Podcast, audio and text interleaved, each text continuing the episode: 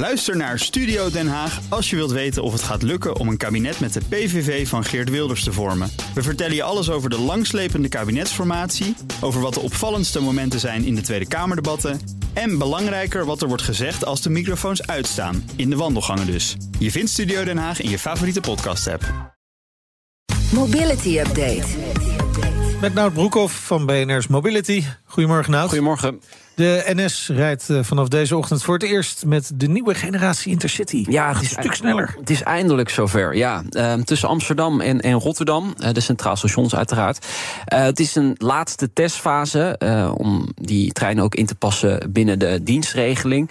Belangrijkste verbetering is inderdaad, hij kan een stuk harder. Hij kan 200 km per uur op de, de hoge snelheidstraject.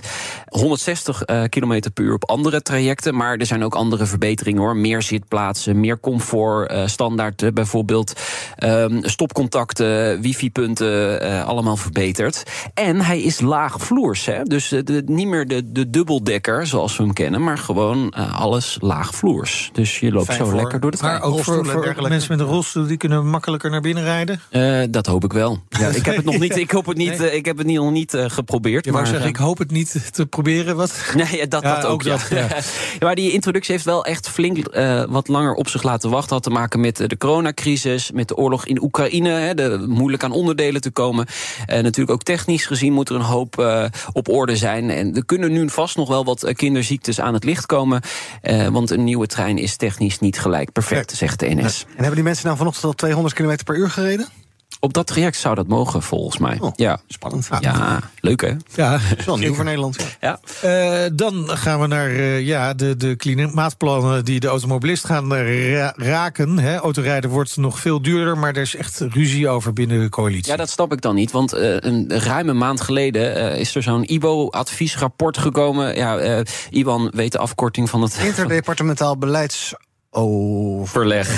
of zoiets. Rapport, Ja, onderzoek. zoiets. Dat was- ja, Onderzoek. onderzoek, ja. Ja. Maar dat is gewoon ruim een, jaar, een maand geleden is er een advies gegeven. En daar hebben ze nu gewoon even de meest omstreden maatregelen uitgepikt. En dat heeft hij gewoon bam zo in de, de coalitie gegooid. En even kijken hoe, Minister, hoe daarop eh, gereageerd ja, hoe daarop gereageerd wordt.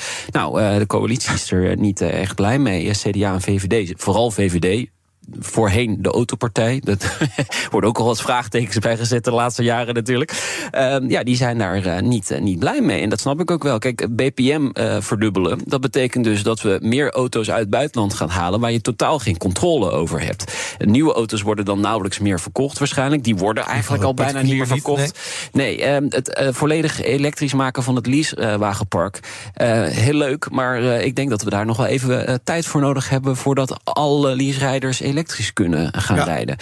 Begin deze week was er ook al een, ehm, een onderzoek van de VNA... Vereniging Autoleasemaatschappijen. Die zeggen, ja, eigenlijk kan, wil de leaserijder nu al niet overstappen... omdat hij het te duur vindt. Ja. Want die prijzen zijn nog altijd heel erg hoog. Hebben we hier eh, te maken met een uh, spreekwoordelijk eh, proefballonnetje? Ja, eh, Nou, een flinke ballon. de tweede eh, proefballon. Eh, dus eerst met dat rapport en nu dus. Ja, ja. dus ja. zeker. Ja. Ik denk dat dit eh, deels gaat sneuvelen. Goed. Wat eh, niet gaat sneuvelen waarschijnlijk is dat eh, het monitoringskastje voor verkeershufters. Want de Kamermeerderheid steunt de invoering daarvan. eh, motie van VVD-Kamerlid Daniel Koerhuis. Natuurlijk bekend van het bouwen, bouwen, bouwen. Maar dus ook eh, van het eh, monitoringskastje. Dat- Monitoren, monitoren, monitoren. ja. Toch minder pakkend, hè? Ja. Ja, ehm, de verkeershufters kunnen op deze manier eh, gevolgd worden en dus ook aangepakt. Ehm, er komt een kleinschalige pilot. Het CBR gaat deze zomer 20 mensen volgen met zo'n kastje in de auto. Naast eh, om te kijken natuurlijk naar dat rijgedrag, eh, wil het CBR ook natuurlijk de technische en de wettelijke mogelijkheden gaan bekijken. En natuurlijk de beperkingen rond de Ja, privacy-wetgeving. want hoe gaat dat werken dan? Ja, je wordt gewoon eh, gaten houden. 24 uur per dag geregistreerd als je in je autootje rijdt. En hoe hard je optrekt en hoe hard je remt. En Ja, wat, wat, wat, wat, eh, er zullen auto- automobilisten zijn die zich afvragen... kom ik in aanmerking voor zo'n monitoringskastje? Hè? Ben- ik de... of, komt mijn het haasje? of komt mijn partner voor een Ja, ja, aanmerking? ja, precies.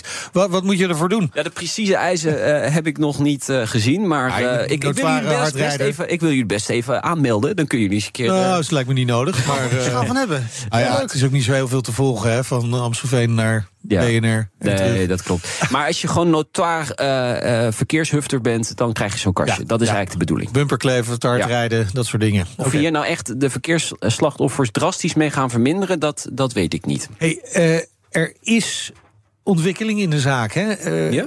ja, zeker. Welke zaak? De helmplicht. Oh, de helmplicht. Voor fietsers. Ja. De AWB denkt dat er misschien nu toch een helmplicht komt. Ja, we hebben natuurlijk die cijfers van het CBS gehad. Hè. Die, die fietsdoden zijn ongelooflijk hard gestegen naar 291 afgelopen jaar.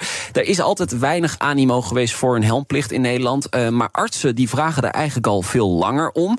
En de ANWB lijkt nu een beetje in beweging te komen. Toch een belangrijke uh, bond in uh, Nederland. Hè. Er zijn heel veel mensen bij aangesloten. De topvrouw van de ANWB, dat is Marga de Jager, die zegt... ja, gordel was ooit ook een advies. dus ik verwacht eigenlijk dat er een soortzelfde discussie gaat op gang komen... de komende tijd of de komende jaren... zodat de fietshelm ook een soort verplichting wordt voor mensen. Van ja, een gordel draag je ook in de auto. Waarom zet je geen fietshelm op? En er discussieert ook niemand meer over, over de gordel. Nee. nee. Nou, het punt is natuurlijk even voor dat draagvlak. En het is heel uh, ja, arbitrair. Maar van een gordel gaat je haar niet slecht zitten. Nee. ja. ja, nee, maar goed, zo simpel is het. Mensen willen lekker fietsen. En uh, het is wel heel begrijpelijk hè, op zo'n elektrische fiets. Zeker voor wat oudere medemens kan dat best gevaarlijk zijn. Zeker als ze vallen. We hebben ook wel eens een uh, hersenspecialist in de uitzending zeker, van BNR Mobility gehad. Die van ja, als je valt met zo'n fiets en op je hoofd valt, dan heb je echt grote problemen. Ja, dat, klopt. En um, toch ben ik ook vooral voor eigen verantwoordelijkheid. Bij het skiën zet je ook een helm op toch? Ja, de meeste mensen wel. Er zijn af en toe nog wat van die gekken die dan denken dat ze muts uh, ook wel, uh, zo'n wollen muts ook wel helpt. Wielrenners zie ik ook altijd met een helm op. Ja. Dus ja, het is ook een beetje een no-brainer. Hey. Nee.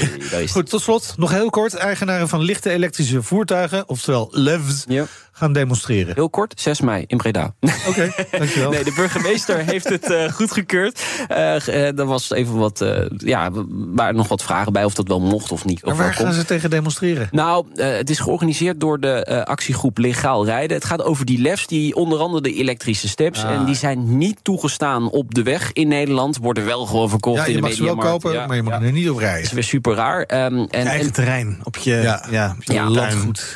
Nou, Iedereen heeft... Niet toegestaan, en dat gaat voorlopig ook niet gebeuren. Mogelijk pas in 2025 is veel te ver weg, vindt deze actiegroep. Dus daarom demonstreren in Breda. Dankjewel, Nout. Ga je daar naartoe? BNR Mobility Update wordt mede mogelijk gemaakt door ALD Automotive en BP Fleet Solutions. Today, tomorrow, together. Bij BNR ben je altijd als eerste op de hoogte van het laatste nieuws. Luister dagelijks live via internet. Bas van Werven. En heel langzaam komt de zon op rond dit tijdstip. Je krijgt inzicht in de dag die komt op BNR, het Binnenhof in Nederland en de rest van de wereld. De Ochtendspits. Voor de beste start van je werkdag. Blijf scherp en mis niets.